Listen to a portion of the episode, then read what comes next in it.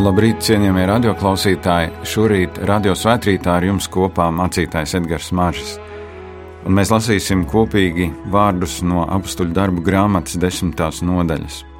Tad Pēters tos uzrunāja.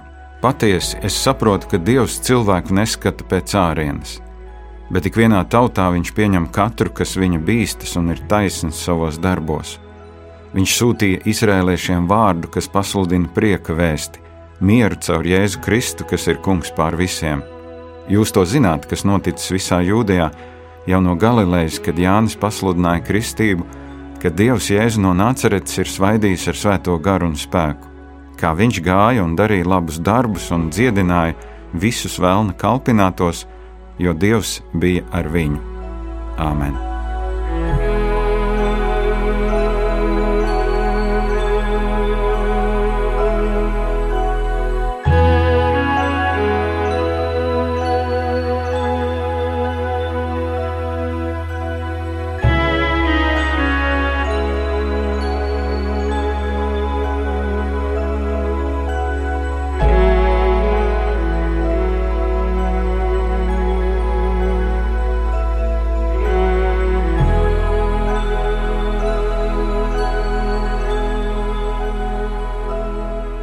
Bet cilvēka ārējām izskatam ir nozīme. Kad skatāmies un ieraugam otru cilvēku, tad pēc tā, ko redzam, izdarām arī secinājumu par cilvēka rocību, gaumi. Vīrieši skatās savādāk kā sievietes, un nereti vīriešu acis pārslīd pār sievietes ķermeni, jā, varbūt pat nesāk ar seju, bet ar kājām. Sievietes savukārt uzlūko sievietes un varbūt redz sāncensi, varbūt skatās un pukojas. Sievietes jau arī skatās uz vīriešiem un vīrieši uz vīriešiem. Tomēr mūsu skats uz otru cilvēku var būt galīgi nepareizs. Pirms vairākiem gadiem pa nedēļu uz mani draugs bija atnācis kāds ubaks, smilškrāsas, metālī ģērbies, bet svētdienas rītā pirms dievkalpojuma ejot uz baznīcu man šķita, ka šo cilvēku redzu pie ieejas. Savā sirdī biju neapmierināts, domāju, ko viņš te dara svētdienas rītā, Bet, kad šis cilvēks apgriezās, tad ieraudzīja, ka tas bija pietiekami pazīstams dziedātājs, kurš bija aicināts dziedāt mūsu draudzes gadasvētkos. Skatīšanās uz cilvēku kārienu mūs aizved viņu salīdzināšanā un bieži vien arī noniecināšanā. Latviešiem ir teiciens neskati vīru no cepures, kas savā būtībā nozīmē neskaties pavirši, nevērtē cilvēku tikai pēc tā, ko tu redzi. Bet mēs to darām tik bieži, un par to jau kristietības sākuma laikos runā arī apstulis Jēkabs, kurš runā par situāciju, ka sinagogā ienāk kāds vīrs graznās drānās ar zelta gredzeniem pirkstos, un ienāk arī nabaks noplīsušās drēbēs. Un tad ir divas dažādas attieksmes. Vienu noliek goda vietā, otram ir jābūt kaut kur pašā stūrī. Mēs skatāmies uz cilvēku ārienu un bieži kļūdāmies. Pēc dažām stundām mūsu draudzē šodien ir īpašs dievkalpojums, kurā mēs svinam invaliditāti. Invaliditāte bez robežām. Kopīgi slavēsim Dievu ar cilvēkiem, kuriem ir ierobežotas kustības, kuriem ir problēmas ar redzi, vēl kādi citi ierobežojumi. Un tik daudz cilvēku no malas šos cilvēkus uzlūko kā nabadzīgus, kā lielus cietējus ar tādu lielu žēlumu, bet paši šie cietēji pēdiņās saka, ka Nedariet tā!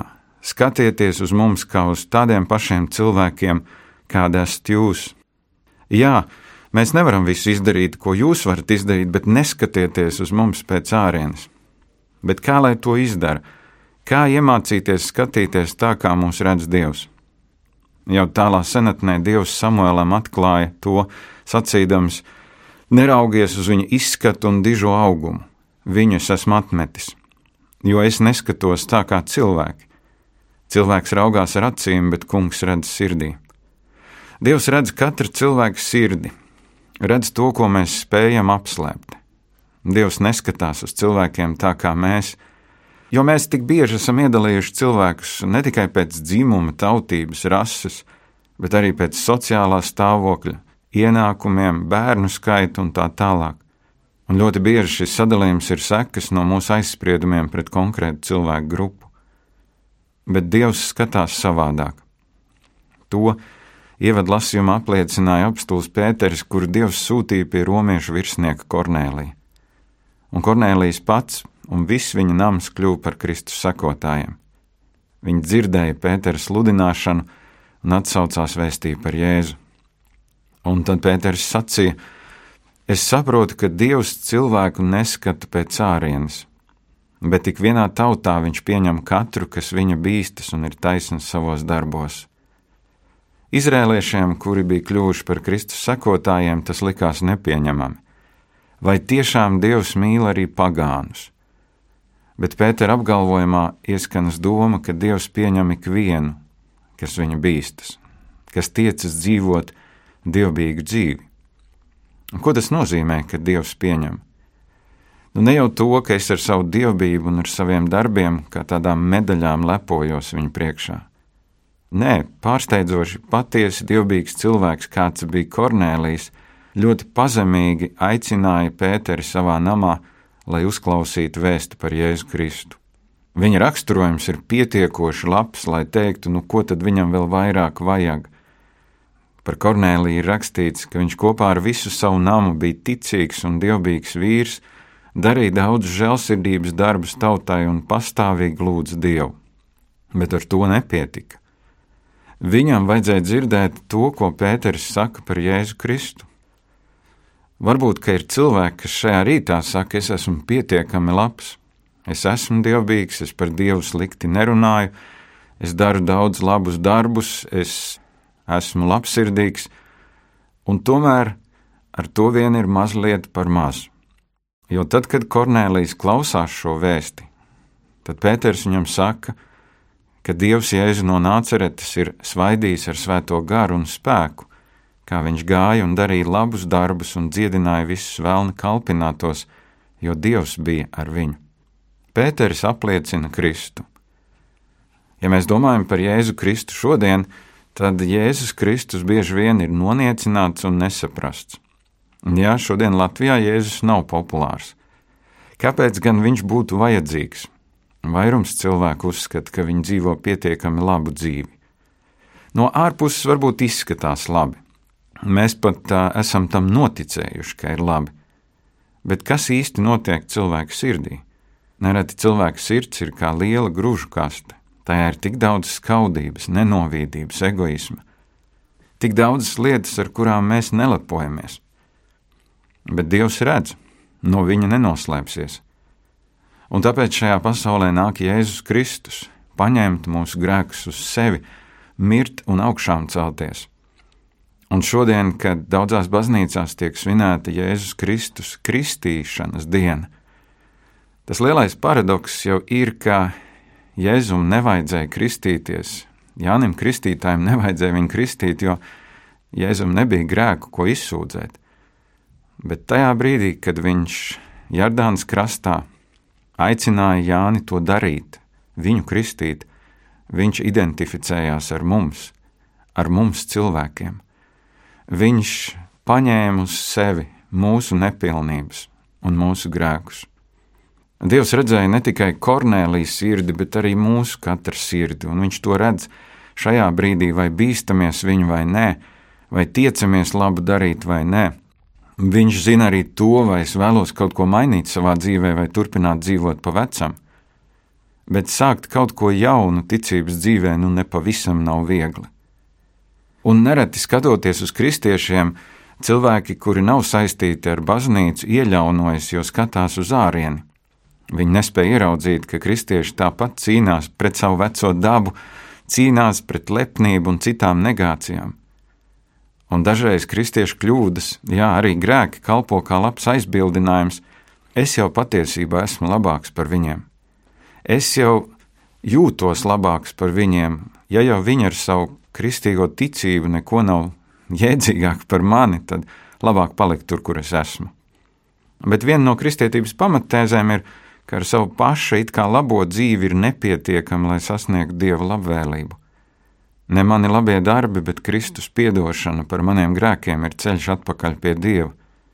Un to apustulis Pēters apliecina Kornēlijam, kurš droši vien varēja tā arī teikt, man neko tādu nevajag, es esmu pietiekami labs, bet svētais gars viņu uzrunāja tik ļoti spēcīgi, ka viņš izvēlējās sekot Kristum. Ka viņš saprata, ka viņam ir vajadzīga uzticēšanās Kristum, un ka Kristus ir tas, kurš viņu vedīs tālāk, kurš viņu veidos tālāk. Šorīt, šajā svētbrīdī, es neredzu tos, kas mani klausās. Un tas pat ir labi, jo tad man būtu kārdinājums cilvēku garīgumu mērīt pēc tā, vai klausās radio svētrīt, vai neklausās, vai klausās ēdot brokastis un patiesībā neklausās, vai arī klausās ļoti nopietni, rokas salikuši un dievu lūdzot. Ja es redzētu tos, kuri klausās svētrītu, tad uh, tīri cilvēcīgi es droši vien sāktu salīdzināt. Un mans vērtējums būtu par vieniem, ka tie ir garīgāki, un citi varbūt tikai izmanto svētrītu, lai būtu fons, lai kāda skaņa būtu mājās. Bet Dievs šajā brīdī ielūkojas katru mūsu sirdī. Un viņa aicinājums ir tāds pat kā toreiz Kornēlija namā. Par viņu, Kristu, visi pravieši liecina, ka ik viens, kas viņam tic, caur viņa vārdu saņem grēku piedošanu. Un, ja tu tici, tad arī šajā rītā šis apsolījums attiecas uz tevi jo Dievs redz sirdi. Viņš neskatās uz ārējo, jo tas bieži vien var izrādīties mānīgs vērtējums, bet Jēzus aicina izsūdzēt grēkus, saņemt viņu piedošanu un sekot viņam. Tad mūsu dzīve sāks mainīties, tad mēs sāksim arī skatīties uz sevi citādāk, un pats svarīgākais, citādāk skatīsimies uz citiem cilvēkiem.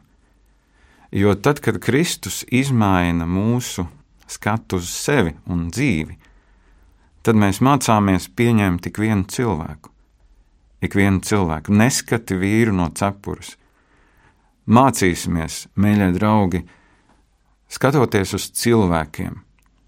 Vispirms jau nedarīt to pavirši, nedarīt to ar tādu jau iepriekš ieprogrammētu skatu, kur mums jau viedoklis ir zināms, pirms mēs pat cilvēkam tuvāk pienākam.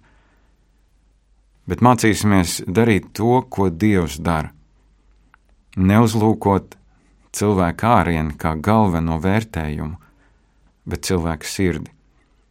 Un tad nākot tuvāk Dievam, piedzīvojot Kristus piedošanu, ļaujot Viņam mūs veidot, mēs piedzīvosim, ka šajā pasaulē ir tik daudz skaistu un īpašu cilvēku, pat tādi, par kuriem mēs nedomājām, ka viņi varētu būt tik īpaši. Lai Dievs dod, mīļie draugi, ka mēs uzticamies atkal no jauna Dievam un spējam noticēt, ka tas, ko Dievs redz manī un tevī, ir visobjektīvākais skats uz mūsu dzīvi. Un pat tad, ja apzināmies sevi kā grēciniekus, Viņš mūs sauc pie sevis, Viņš mūs sauc un saka, atgriezies, nožēlo un saņem man piedošanu. Āmen!